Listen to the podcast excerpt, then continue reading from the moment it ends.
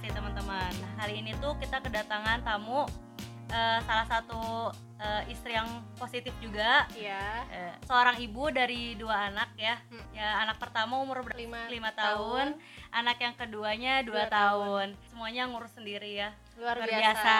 Insya Allah. Insya Allah. Nah ini kita langsung aja ya perkenalkan. Hmm. Ini dia tamu kita Umahani. Yeay, selamat datang. Selamat datang di Ya. Positif Istri Umahani. Makasih ya udah diundang. Iya, Umahani ini sering banget ngisi eh, konten-konten positif di Instagramnya. Apa tuh lu? Salah satunya tuh di @umahani. Ini Iya. ada berapa? I-nya ada tiga triple. Oh, iya. Nah, kalian bisa follow langsung ya, dicek Hmm. langsung di @umahani. Itu ada hashtag cerita Umahani. Ya, ini kontennya tentang keluarga juga ya. keluarga. Nah, ini pas banget berkaitan sama tema yang bakal kita bawain sekarang. Nah, ini boleh sekarang Oh, iya. sapa-sapa dulu Oh, iya.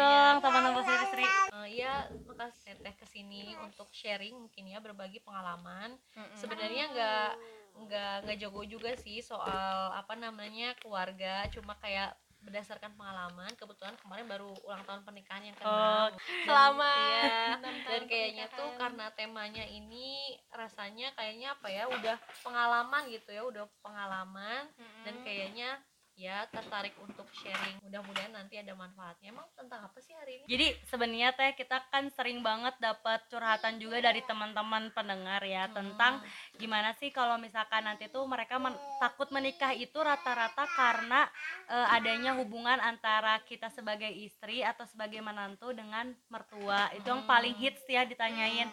Dan sekarang tambah lagi dengan mungkin adanya pihak-pihak lain di keluarga seperti ipar atau saudara-saudara yang lain gitu lebih luas gitu. Hmm. Nah mungkin tema kita lebih kerincinya sekarang bakal bahas tentang gimana hubungan kita sebagai menantu ke Dan mertu- mertua. mertua, Tua, gitu. oke, iya. mungkin kita sharing aja kali Iya, ya tukar boleh, Teh. pendapat jadi sebenarnya kalau menurut teteh eh, salah satu keunikan pernikahan di Indonesia itu kita kan bukan hanya pernikahan itu bukan menyatukan dua individu kadang kita apa ya mendengar definisi bahwa pernikahan itu menyatukan dua individu yang berbeda padahal menurut teteh dengan apa namanya dengan kondisi di Indonesia pernikahan itu menyatukan dua keluarga. Jadi ketika kita menikah bukan kita bersatu sama suami, tapi kita Hmm. juga bersatu sama keluarganya suami. Mm-mm. Gimana kita harus bisa beradaptasi bukan cuma sama suami tapi juga sama keluarganya gitu. Hmm. Dan kalau misalnya kita mau menikah, misalnya kita udah punya calon nih, kita bersiap siap nikah sama si A, berarti kita juga harus eh, apa namanya? menikahi, menikahi keluarganya kayak gitu. Calon mertua. Nah, menurut Teteh dulu waktu pas sebelum nikah, Mm. apakah ada ekspektasi nggak ke mertua akan kayak gimana atau ada kekhawatiran khusus nggak sih? jadi dulu waktu teteh nikah taruh jadi kan teteh sama nih Mm-mm. jadi otomatis nggak tua Hmm. dan waktu itu setelah kita ketemuan seminggu eh, dan baca mungkinnya dari CV profil eh, keluarga suami itu seperti apa dan sebenarnya jujur pada saat itu agak minder karena ngerasanya kan keluarganya dokter terus Banyak juga, fansnya. ya, itu terus kakaknya juga kakaknya Kang Tan eh, kakaknya Kang Tan itu mahasiswa berprestasi di FK Hmm. Unpadnya jadi tok apa ya tokoh kampus lah jadi kayak sempat deg-degan siapa nih gue gitu kan terus kira-kira ngobrolnya bakal nyambung gak ya kan Mm-mm. kadang tuh jadi kayak apa ya ketakutan tersendiri nih Mm-mm. sa- eh, apa saya yang dengan karakter kayak gini tuh bakal isi otaknya mungkin ya pada saat itu kayak masih bocah bisa nyambung gak ya ngobrol sama Hmm. keluarga suami sama apa sama kakak sama kakak ipar nah cuma pada saat itu ternyata suami teteh itu sudah meriset duluan meriset lebih dulu justru Mm-mm. waktu itu karena eh, katanya itu kan membidik gitu dari Oh, jauh iya. enggak jadi dulu tuh suami teteh tuh punya pemikiran eh, ketika memutuskan untuk menikah dia Hmm. tuh nyari-nyari dulu nih kira-kira sosok perempuan yang kayak gimana sih yang bakalan nyambung sama keluarganya Hmm. bakal nyambung sama ibunya bakal nyambung sama kakaknya sama adiknya bahkan yang mungkin eh, apa namanya punya karakter yang unik dibandingkan saudara-saudaranya yang lain Mm-mm. dan pada saat itu suami teteh kayak yakin kalau teteh tuh bisa nyambung sama keluarganya oh. gitu jadi suami udah memprediksi duluan jadi pada saat itu sih awal-awal nggak ada kesulitan yang berarti. Dan sebenarnya teteh juga tipikal orang yang bisa membuka pembicaraan. Jadi pada saat itu mengalir aja awal-awal. Hmm. cuma kesannya waktu itu kan namanya ya first impresi ya. Kita Hmm. punya punya impresi awal sama keluarga suami. Ya keluarganya termasuk yang ramah gitu. Dan mau Hmm. menerima kita. Sebenarnya dari pertama kali kita ketemu kita udah punya eh, apa namanya pandangan kan apakah kita tuh termasuk yang diterima kah sama keluarganya Mm-mm. apakah eh, kita bisa cocok sama keluarganya dan dari awal tuh bisa udah kelihatan kayak Hmm. gitu dan kalau misalnya dari awal udah nggak cocok ya alangkah lebih baik juga nggak dilanjutin tapi karena pada saat itu suami keluarganya positif ya udah akhirnya lanjut gitu Hmm. lanjut ke perkenalan yang lebih lanjut Hmm. gitu kalau dulu calon suami yang sekarang jadi suami ya Mm-mm. pas masih jadi calon sempat ngobrolin dulu nggak kayak ngebriefing dulu apakah mertuanya kayak gini-gini atau Karakternya kesukaannya. gimana? soalnya pendengar kita juga banyak ya yang belum nikah dan pasti Hmm. pengen tahu sebenarnya kayak gimana sih harusnya kita bisa mendekatkan diri pada si mertua ya apalagi tadi kan Tehani juga sempat bilang kaitannya taaruf ya. Kan Hmm. kalau taaruf itu kan berarti nggak ada proses lama untuk mengenal lah intinya gitu. Pasti adalah briefing sama suami Eh, nggak cuma kit- nggak cuma teteh ke pihak eh, suami tapi suami ke pihak teteh juga. Hmm. karena kan kita punya background latar belakang kebiasaan keluarga yang berbeda. Jadi kita tuh kayak kong kalingkong lah. Kong kalingkong Hmm. gimana caranya supaya mereka tuh bisa diterima.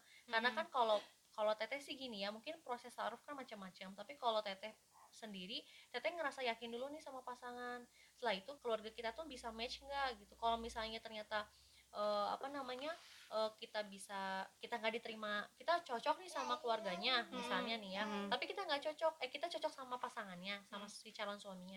Tapi kita nggak cocok sama keluarga itu juga harus jadi pertimbangan apakah ini tuh bisa dila- proses ini bisa di apa bisa Lanjutin. ta- eh, bisa maju ke tahap selanjutnya atau enggak. Nah pada saat itu eh, teteh sama suami kayak saling komunikasi ini keluarga saya tuh kayak gini karakternya bapak saya tuh kayak gini bapak saya tuh orangnya pendiam misalnya kayak gitu suami juga sama mengondisikan ibu saya tuh kayak gini nggak sukanya kayak gini. Jadi kayak tetaplah kita tuh saling mencari celah selama itu tidak eh, tidak hal-hal yang eh, apa ya kalau ya masih bisa diusahakan gitu ya ya Hmm. udah kita coba untuk menyesuaikan. Tapi kan ada yang ada yang bener-bener dari awal udah gak suka sama kita. Nah kalau Nah, kayak gitu iya. ya lebih baik nggak usah dilanjutin karena itu PR banget. Apalagi kalau sampai nikah oh bakal jadi PR panjang lah. Bahkan Hmm. mungkin bisa jadi nightmare. Iya Oh, iya, benar gitu nah tapi kalau misalnya hal-hal yang ah, ya namanya orang penyesuaian kan pasti ada ada apa ya ada strateginya lah itu Hmm. masih bisa dibicarain bareng-bareng sama suami misalnya ibu saya sukanya apa ya Hmm. dibawain lah makanan kesukaannya Hmm. misalnya Iya, iya. mencuri hati Iya, Ya, gimana kayak mencuri gitu. hatinya. Bagaimanapun. Mencuri hati itu untuk kayak ke tahap apa ya tahap untuk kita masuk ke keluarganya Hmm. kalau saya yakin sih kalau misalnya uh, keluarganya rasional juga ngelihat kita tuh nggak akan nggak akan yang oh ini mah kayaknya kurang cantik nih jangan Hmm. jangan jangan Oke Teh tadi kalau sebenarnya sempat ada cerita bahwa Teh Hani ini eh, pernah tinggal bersama mertua. Bahkan tinggalnya juga cukup lama ya Teh. Hmm, gitu sampai ke anak kedua gitu. Iya. Nah, ini boleh nggak sih Teh eh, diceritain gitu ya? Maksudnya Hmm. Kondisi saat itu kenapa Teteh memilih tinggal bersama mertua apakah Hmm. sebelum menikah pas lagi taruh itu eh, suami emang udah sounding duluan nih kalau kita Hmm. bakal tinggal sama mertua eh, Hmm. dan denger-dengar juga kan nikahnya muda ya Teh Mm-mm. saat belum lulus gitu Mm-mm. nah jadi boleh nggak diceritain dikit eh, Iya. kenapa ada keputusan untuk tinggal Hmm, bersama mertua Oke. Jadi sebenarnya Teteh pernah tinggal sama orang tua Teteh itu satu setengah tahun tepat satu setengah tahun tepatnya setelah kita menikah. Hmm. Kemudian dua tahun eh, berarti usia pernikahan eh, sekitar usia pernikahan 34 ya, 3 ke 4 tahun eh, Teteh tinggal sama barang mertua. Jadi Teteh Hmm. pernah tinggal setahun eh, mandiri nggak sama mertua pada saat terantau di Cirebon. Hmm. Nah, kenapa Teteh tinggal sama mertua? Sebenarnya karena waktu itu momentumnya aja sih lagi kayak kebetulan eh, bapak mertua tuh baru apa namanya resign dari pekerjaannya, kemudian pindah ke Bandung dan pada saat itu tempat yang available kayak di rumah Teteh. Jadi kita Hmm. jadi bukan Teteh yang numpang sebenarnya, tapi Hmm. orang tua yang ibaratnya tinggal bareng sama kita kayak Mm-mm. gitu. Dan pada saat itu sih ngerasanya ya namanya awal nggak ada konflik yang gimana banget ya maksudnya ya udah kita menjalaninya dengan apa ya berusaha menerima aja mungkin ini kayak bagian dari takdir Allah gitu kan karena orang tua yang tinggal di rumah kita ya udah kita jalanin aja sih pada saat Hmm. itu jadi nggak ada pilihan Eh, untuk kayak menolak juga nggak ya? ada pilihan untuk menolak pada saat itu ada ketakutan gak sih sebelumnya kayak Hmm. parno banget apalagi kan banyak omongan katanya Hmm. kalau tinggal sama mertua tuh ada hal-hal yang mungkin bakal berkonflik yang lebay banget atau Hmm. berlebihan nah ada nggak sebelumnya gitu sebenarnya kalau eh, ketakutan nggak ada karena teteh nggak punya konflik personal sama mertua tapi dalam keberjalanannya ada konflik eh, Hmm. ya mungkin aja ada ya maksudnya kenapa disebutnya mungkin karena namanya manusia ya ada kekurangan ada kelebihan mungkin aja ada sifat kita yang nggak disukain sama Hmm. mertua dan ya kita kan? nggak tahu juga dan kita perasaan juga nggak tahu perasaan mertua Mm-mm. kayak gimana misalnya terus ada juga mungkin eh, apa namanya perilaku apa kekurangan eh, mertua yang kita juga nggak suka dan kita kayak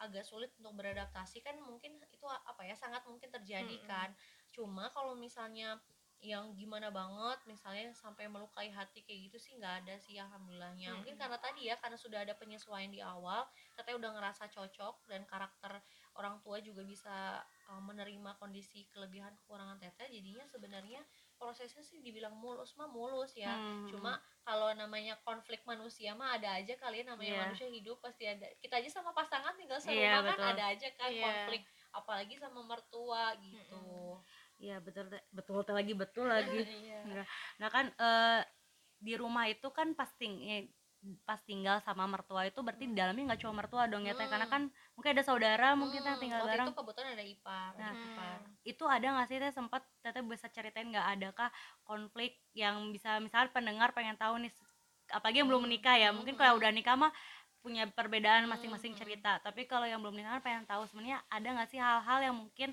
harus kita pelajari dari sifat-sifat Hmm. eh, orang tua atau kita punya ipar saat kita Hmm. tinggal bersama atau mungkin eh, ada nggak sih hal yang perlu apa ya kita jaga gitu Hmm. maksudnya sebenarnya gini manusia itu kan pada dasarnya punya karakter yang berbeda Mm-mm. dan kalau kita nggak cocok sama orang itu kan wajar ya namanya manusia cuma Hmm. kadang sering kali yang jadi eh, gapnya itu adalah dari cara berkomunikasi Hmm. nah Hmm. atau mungkin penerimaan kita dalam gaya komunikasi lawan lawan lawan Bicara, kita lawan bicara kita biasa beda ya teh Iya, beda keluarga beda kata ini. orang ngomongnya biasa aja tapi Hmm. ternyata di kita penerimaannya nggak kayak biasa keras Hmm. gitu ya misal contoh keluarga saya backgroundnya orang Jawa Mm-mm. ketika suami masuk ke keluarga saya tinggal satu setengah tahun di rumah saya dia tuh agak kaget karena orang Jawa terutama kan bapak saya orang Surabaya kalau ngomong tuh keras Hmm. udah keras kadang agak-agak sedikit nyentak gitu ya nggak sih? gitu Hmm. dan buat orang eh, orang Sunda karena suami saya tuh Jawa Sunda tapi dominan Sundanya kaget lihat orang tuh kok ngomongnya kayak gitu Hmm. tapi kalau saya pada saat itu biasa tapi Hmm. ternyata pada saat saya ke keluarga suami juga punya gaya komunikasinya juga gitu ketika menegur tuh caranya juga berbeda dan mungkin itu kan bisa jadi potensi konflik juga kalau kita nerimanya nggak biasa Iya. ya kan nah waktu itu pada saat eh, saya tinggal sama keluarga suami ada ipar ya sempet sih ada konflik tapi saya waktu itu merasanya lebih ke cara berkomunikasinya aja yang nggak tepat karena Hmm. pada saat itu sebenarnya yang punya konflik utamanya bukan saya jadi ceritanya ada konflik antara orang tua sama anak ya wajar ya Hmm. namanya orang kita tua. sebagai penonton gitu ya gitu kita sebagai Pi- penonton orang ketiga. ya, Orang orang ketiga. ketiga diminta untuk menengahi Oh. gitu ketika di kita diminta untuk menengahi ternyata penerimaannya Mm-mm. eh, Kurang apa, baik ya? kurang baik mungkin mungkin kita dianggap campur atau seperti apa Hmm. padahal kita nggak punya maksud seperti itu jadi lebih kayak salah paham aja sih tapi abis itu ya kayak ya akhirnya ya akrab lagi juga Hmm. karena pada dasarnya tadi penyesuaiannya sudah ada di awal Mm-mm. kayak kita teteh ngerasa bisa bisa mengatasi karakter adik ipar dan adik ipar juga bisa menerima kekurangan pada akhirnya itu kayak lebih bumbu aja sih kayak Hmm. bumbu Hmm. bumbu perjalanan aja tapi akhirnya sih bisa kompak juga kayak gitu Hmm. Hmm. tapi tadi menarik sih eh, Teh Hani bilang kalau pas tadi kan ada konflik di antara orang tuanya dan Hmm, anaknya hmm, sendiri gitu ya hmm. Teh Hani waktu itu gimana sikapnya nah nonton aja Menanggapinya, karena gini karena kakak teteh eh karena suami teteh itu dia kakak pertama otomatis kayak punya tanggung jawab kan ke adiknya Mm-mm. dan pada saat itu kan suami nggak terlalu eh, apa ya nggak terlalu terjun banget karena ngerasanya eh, bukan urusan bukan dia. urusannya dan Hmm. sebagai orang tua nih mertua teteh itu ngerasa ini harus ada kakaknya nih yang bisa bantuin handle nah pada Hmm. saat itu teteh diminta karena ngerasa sebagai kakak pertamanya Hmm. karena ibaratnya suami kan Pengganti lah- gitu ya ya. pengganti pengganti suami Mm-mm. lebih kayak situ sih terus kayak apa namanya ada beberapa oh, pada saat itu konfliknya memang adik teteh lagi nggak ada di sini adik teteh lagi ada di luar Kuliah kota di luar kota ya? Oh, lagi di luar kota cuma ada konflik nah, karena nggak ketemu kita kan jadi nggak tahu ya Hmm, gimana betul, apa jadi betul, chat betul. Iya, chatting iya, chatting gitu. chatting gitu kan biasanya oh, kalau chatting itu kan Ya, dibacanya sesuai sesuai ekspektasi kita gitu betul. kan ternyata ngomongnya kok bacanya dia kayak ngomongnya kayak keras ya aku kayak Oh, nyentak padahal gitu. sebenarnya ngomongnya pas ketemu langsung biasa aja kayak Hmm. capsule capsule Iya, jadi ya. Iya, gitu. betul. oh gitu jadi teteh sebagai kakak ya waktu itu bukan Iya, sebagai bukan yang sebagai heeh. Terus menantu. karena, mm, karena ternyata dianggap dianggap usianya nggak terlalu jauh juga dan ibaratnya mungkin pernah mengalami fase itu juga jadi ya dianggap dianggap apa ya dianggap kayaknya cocok deh bisa ngasih nasihat gitu Hmm. sebenarnya itu aja tapi kalau ditolak kan sebenarnya itu baik lagi ya ke penerimaan atau mungkin cara komunikasinya yang lagi nggak tepat aja apalagi kalau lewat chat gitu kan Iya, benar-benar. Gitu. Hmm, jadi perannya sebagai kakak ipar yang baik gitu Nah, ya Jadi- jadi maksud hati sih Iya, gitu. betul. Iya, iya. tapi ternyata Iya. baik beneran Iya. sebenarnya ya nah tadi kan itu hubungan antara eh, mertua dan juga ipar ya eh untuk kita sebagai menantu ke ipar dan juga mertua ini ada nggak sih kan sekarang punya anak dua nih secara gitu ya tinggal sama mertua Iya.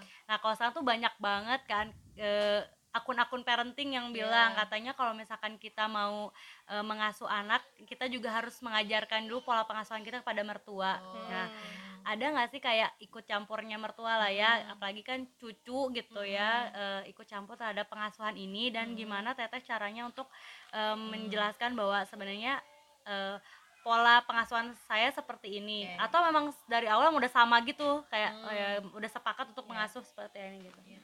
Kalau menurut Teteh balik lagi kalau misalnya kita dihadapkan sama konflik mertua terkait dengan pengasuhan, kita lihat dulu orang tuanya itu tipikalnya kayak gimana. Hmm. Kalau misalnya orang tuanya tipikal pembelajar, ya kita mau ngajak dia misalnya ke seminar kayak mau kita ceramahin, kita kasih tahu Hmm. nih di akun ini ada apa namanya penjelasannya. Kalau orang tuanya memang dia pembelajar dan dia mau belajar, dia Hmm. pasti akan nerima. Tapi kalau misalnya orang tuanya tipikal konservatif yang Hmm. berpikir bahwa dulu juga ibaratnya ibu Udah eh, berhasil. berhasil Iya, gitu. kata orang zaman dulu nah itu kan tipikal orang tua yang konservatif nah Mm-mm. kalau gitu harus hati-hati karena bisa jadi kita ngomong apa ntar kita dibilangin sok keminter Hmm, biasanya iya, gitu kan benar-benar. nah anak zaman sekarang ibu-ibu zaman sekarang sok keminter katanya gitu tapi kalau misalnya orang tua kita tipikal pembelajar ya kita dikasih tahu sedikit-sedikit nggak apa-apa sih Hmm. tapi tadi gunakan bahasanya juga bahasa yang enak lah Mm-mm. Nah, Teteh sendiri merasa bahwa mertua Teteh itu sebenarnya tipikal orang nenek yang pembelajar. Mm-mm. Meskipun ada beberapa hal yang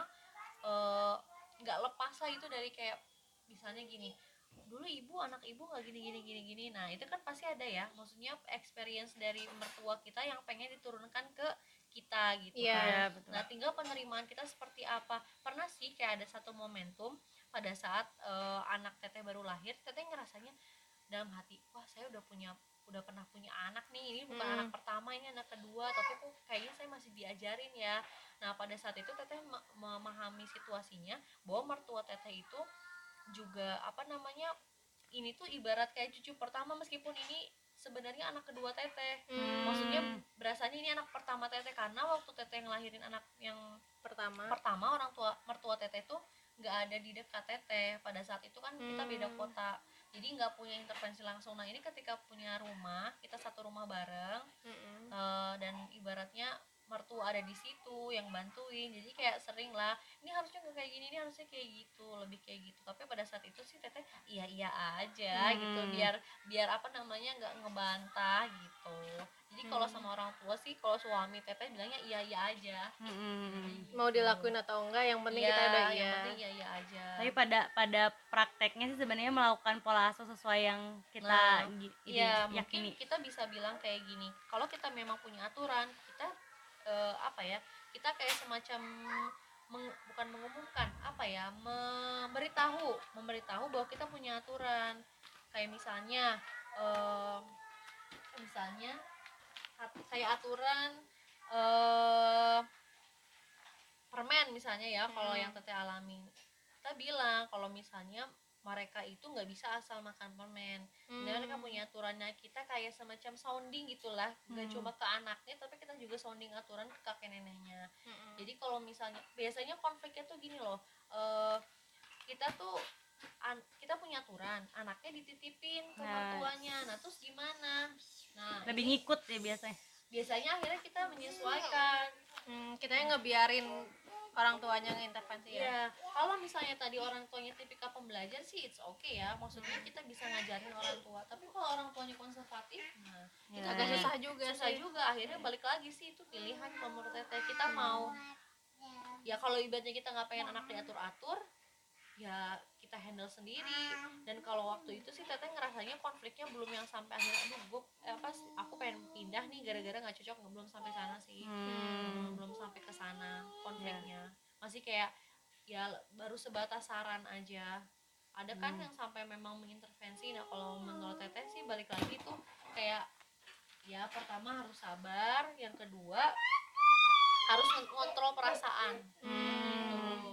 Supaya jangan baperan gitu jangan ya. baperan karena kalau kita baperan jadinya stres. Iya, Gitu. benar-benar. karena itu sebagai konsekuensi dari kita tinggal bareng juga Nah, kan. gimana caranya nggak baperan? Kita harus minta dukungan dari suami. Kalau Hmm. suaminya eh, nggak ngedukung kita otomatis wajar sih kalau kita baper. Makanya penting banget juga komunikasi sama suami karena suami yang ibaratnya anaknya ya. Iya, ya, pa- suaminya yang biasanya yang paling didengar gitu ya Iya. kalau anaknya sendiri. Yang bisa ngasih tahu ibunya kan suaminya. Iya.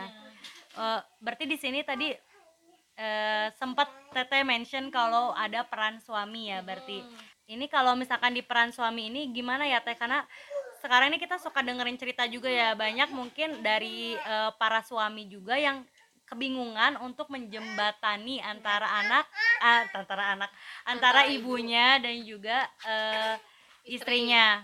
Apalagi kan kalau suami itu ibaratnya anak laki-laki tuh selalu jadi anak ibunya gitu. Iya betul. Ya kan? seumur hidupnya akan mengabdi Jadi- pada ibunya gitu. Iya, akan selalu berbakti pada ibunya, nggak boleh sampai durhaka atau gimana Iya. kan. ya kalau menurut teteh suaminya harus punya sikap. Pertama eh, dia lihat dulu nih kalau misalnya ada konflik ya misalnya kalau ada konflik antara mertua sama menantu gitu kan dia harus punya sikap. Dia lihat dulu sebenarnya ini akar masalahnya apa nih? Misal ternyata istrinya baperan. Berarti Iya. istrinya harus di dilatih supaya jangan baperan oh Betul. ternyata ibunya kalau ngomong pedes nih misalnya kayak Hmm. gitu Ternyata yang salahnya ibunya ternyata gitu ibunya maksudnya. gitu nah ternyata eh, kita juga harus ngasih pengertian ke ibunya kalau misalnya memang ibunya susah buat dikasih tahu karena kan kita nggak boleh ya sampai menyakiti perasaan iya orang Ibu. tua ibu berarti eh, apa namanya eh, kita harus menguatkan si istri ibaratnya tuh gimana ya Hmm, kayak ada bisa peribahasa tuh apa eh. Pri- peribahasa anjing menggonggong Oh, ya, berlalu. gitu Iya, Bersikap bodo amat, kayak gitu gitu. nggak semua yang kita dengar itu harus dimasukin ke hati gitu Hmm. kalau misalnya memang kita ngerasa itu toksik ya Iya, kalau bahasa zaman sekarang mah toksik benar ya sekarang sering banget ya Iya. toxic kalau misalnya itu toksik buat kita ya udah sih eh, apa namanya kita berusaha eh, apa kontrol aja perasaan kita supaya itu tuh nggak jadi stimulus emosi negatif buat kita. Ini kalau misalnya ini ceritanya serumah atau enggak? Serumah masih serumah, masih rumah nah kalau misalnya sampai di di batas itu kita nggak bisa handle kita ngomong sama suami bisa nggak sih kalau misalnya kita cari solusi lain supaya nih hubungan antara menantu sama mertua tuh bisa apa sih jangan konfliknya jangan gini, amat lah gitu Hmm. kan. Kita juga pengen nih berbakti sama mertua. Ya coba tawarkan solusi. Misalnya kita pindah eh, apa namanya Rumah, pindah, pindah tempat rumah tinggal. tempat tinggal. kayak gitu. Saya suaminya i- ibunya sudah tua misalnya dia anak anak yang benar-benar harus handle. Nggak harus yang rumahnya jauhan kok cari aja rumah yang nggak terlalu jauh dari situ. Hmm. yang kita tuh kalau pagi masih bisa nengok dia. Tapi minimal kita tuh punya dapur sendiri punya kamar Wilayah, Wilayah. wilayah itu- Privasi sendiri. ya privasi sendiri. Kalau kita mau nangis nangis mau apa tuh lebih ada tabirnya Iya, gitu kan. kalau kalau kita nangis masih serumah kan Hmm, kedengeran iya, benar. Kelihatan gitu ya. kelihatan jadi kayak lemah banget tuh Nah, kayak FTP FTP Kamu ini menakutkan. enggak enggak saya aku dulu pernah nangis sampai bengkak kan terus ketahuan mertua aku Oh, gitu. gitu. Nah, pas ditanya kenapa sakit mata kena debu awadut iya sih aku jadi keingetan juga sih dulu teteh pernah ada konflik nih ibaratnya konflik yang ya bisa dibilang kayak sedih banget terus Iya. pada saat itu namanya perempuan nangis kan Hmm. nggak bisa ditahan iya ya benar terus kayak malu nggak enak karena serumah sama Mertua. Nah, itu salah satu nggak enaknya ya salah satu nggak enaknya kalau tinggal sama mertua kita jadi nggak lepas gitu kalau Hmm. misalnya kita Persitahan ya. mengekspresikan emosi Iya. kayak Padahal gitu. emosinya nggak berat-berat amat tapi cuma Iya. pengen nangis doang Iya, gitu kayak kan. gitu. tapi waktu itu mertua negur gitu gimana ya pada saat itu ya mungkin mertua nggak cuma Oh. nggak yang sampai kenapa? Iya. cuma waktu itu suami sih yang bilang nggak enak gitu. Oh, nggak iya, enak iya. kan kalau misalnya ketahuan nangis. Jadi ya gitulah ada ada nggak enaknya. Iya, tapi kalau misalnya dibilang enak juga ada enaknya juga sih. Mm-mm. kayak anak kita ada yang bantuin handle. Misalnya kan kalau kita mau mandi tuh digedor-gedor kalau nggak ada yang nemenin kalau misalnya kita tinggal bareng sama orang tua ada yang bantuin. Sebenarnya ada positif negatifnya tapi dalam Islam itu ya bagusnya kalau kita sudah menikah ya harusnya pisah rumah gitu. Iya, Katanya sih harus lebih- beda dapur. Iya, lebih banyak maslahatnya lah dibandingkan eh, keuntung keuntungan apa dibandingkan apa ya lebih banyak mudaratnya kalau kita gabung sama orang tua Mm-mm. dan lebih banyak masalahnya kalau kita pisah sama orang tua gitu. Wah. Tapi banyak juga nih teh cerita-cerita kalau emang kondisinya Hmm. si anaknya tuh nggak bisa jauh dari orang tuanya misalkan karena orang tuanya sakit Hmm. atau tinggal satu-satunya. atau anak tunggal Hmm. atau gimana nah menurut Hmm. teteh gimana kita Menanggapi bersikap ya? menanggapinya Hmm. gitu Sebenarnya karena teteh itu belum ada di kondisi yang itu, jujur sebenarnya bingung ya jawabnya gimana. Tapi kalau misalnya kondisinya sekarang misalnya terus orang tua sakit, ya sebenarnya otomatis tanggung jawab suami kan, karena gimana pun juga namanya laki-laki itu surganya tetap ibunya. Hmm. Tapi kalau misalnya tadi kita masih bisa punya solusi tinggalnya nggak jauh dari rumah orang tua, kita bisa misalnya menyediakan eh, tenaga tambahan lah ya untuk ngurusin eh, su- apa orang tua dari A sampai Z-nya. Tapi kita tinggal nggak berjauhan dari sana yang Hmm. penting uh, kita kan nggak harus nggak harus terjun langsung nih tapi kita bisa jadi kayak kontrolnya Hmm. karena kan ibaratnya kita juga nggak mungkin uh, kita juga punya tanggungan lah ya ada anak yang harus diurus tapi minimal kita tetap tetap lihat jenguk mereka setiap hari dan ada yang ngurus ada yang Hmm, ngurus orang jangan tua sampai jangan diabaikan sampai gitu ya. diabaikan Kayak kesannya gitu. tuh kalau udah pindah rumah tuh atau pisah rumah tuh kayak melupakan banget Iya, gitu loh. Kayak kabur dari iya, rumah. jangan, jangan sampai kayak gitu Iya. tetap tetap apa ya tanggung jawab lah sama orang tua karena kan gimana pun juga ngebayangin kita sekarang udah jadi ibu kita ngurusin kebayang ya ibu tuh capek dan lelahnya seperti Betul, apa betul. sakitnya apa kalau bahasa lebaynya ya kita tuh berhutang air susu sama ibu Oh. gitu jadi suami kan nggak juga bisa dulu- dibayar juga ya Iya, dulu suami juga kan disusuin sama orang sama ibunya. Jadi Hmm. suami juga punya utang air susu sama ibu. Jadi jangan sampai lah dengan menikah dengan kita terus kita punya ego ya sebagai manusia takut sakit hati, takut kayak gimana tuh akhirnya mengabaikan eh, kewajiban sem- Ya, kewajiban lebih kewajiban. kewajiban suami kepada ibunya. Jadi bagaimanapun itu kita harus mendukung suami berbakti kepada orang Iya, tuanya. tinggal seninya aja yang harus dicari. Betul, gitu. betul. Nah, tadi kita kan udah sempat dengar eh, Teh Hani eh, sama mertua, sama ipar, terus bagaimana mertua juga. Nah, ini Teh Hani punya tips nggak sih? Tadi kan kita udah dengar juga sempat ada konflik ya, yang belum nikah lah pastinya Hmm, gitu ya hmm. kan. Mereka bertanya-tanya ya gimana sih caranya biar nanti kita se- sebagai seorang istri gitu ya, Hmm. sebagai seorang menantu Mm-mm. bisa kita pelajari dari sekarang kah ada seni-seninya kah ada Hmm, tipsnya hmm. gimana ya boleh nggak teh Nah, jadi yang pertama adalah tadi setelah kita misal pertama kan kalau misalnya kita eh, dari awal nih kita nikahnya pakai cara apa dulu? Misalnya taaruf. Mm-mm. Kalau misalnya taaruf otomatis kan kita nggak kenal nih Hmm. siapa keluarganya dan bagaimana karakter orang tuanya. Dan itu bisa kita apa namanya tanya lah, misalnya tanya langsung sama calonnya juga bisa. Misalnya kita udah cocok nih sama pasangannya, kita ad- adaptasinya terus sama keluarganya. Kita nggak perlu eh, apa namanya nggak perlu eh, ketemu langsung, tapi kita bisa tanya-tanya dari si calon suami kita.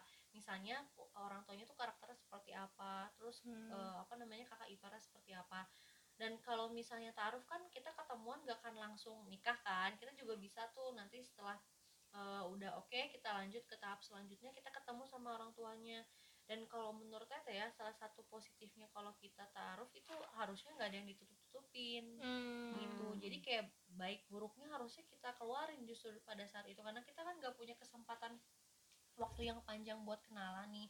Jadi istilahnya tuh justru gerbang awal seleksinya tuh di di, Di proses Taruh itu ya. perkenalan itu. Hmm. kalau misalnya memang cocok ya lanjutin. Kalau misalnya enggak ya udah gitu. Mungkin kita memang bukan yang terbaik buat kita. Kenapa menurut teteh mertua ini tuh cukup krusial karena banyak rumah tangga yang justru bermasalah gitu Hmm. berkonflik justru sumber utamanya ketika ada eh, konflik antara mertua sama menantu jadi nggak Hmm. akur bahkan sampai ada yang bercerai juga nah itu kan bisa dibilang yang nggak kita nggak mengharapkan itu kan jadi kalau menurut adalah kita harus eh, gerbang awalnya pas pada saat taaruf nih pada saat perkenalan di awal kita udah ketemu sama calon suaminya kita juga harus tahu nih kondisi keluarganya itu kayak gimana.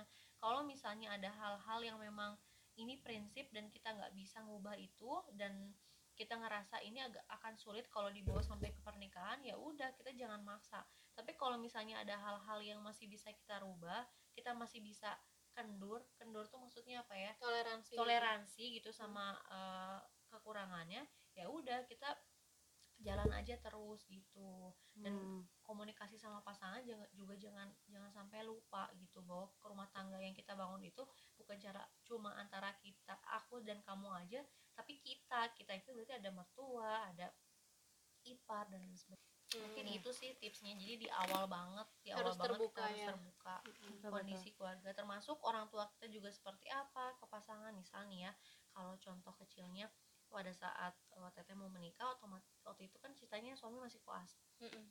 suami gak punya apa-apa tuh kita bilang tuh dari awal gitu kalau misalnya suami kita tuh termasuk suami yang berjuang belum Hmm. makan karena kan kadang mindsetnya orang Indonesia tuh kalau nikah tuh harus mapan karena nanti uh, mau dikasih makan apa atau Hmm. Iya, sebagainya. benar. bahkan dulu berarti pekerjaan aja belum ada ya Iya belum tuh? ada. Mm, Hmm. Terus juga hal-hal yang prinsip itu bagusnya di clearin di awal.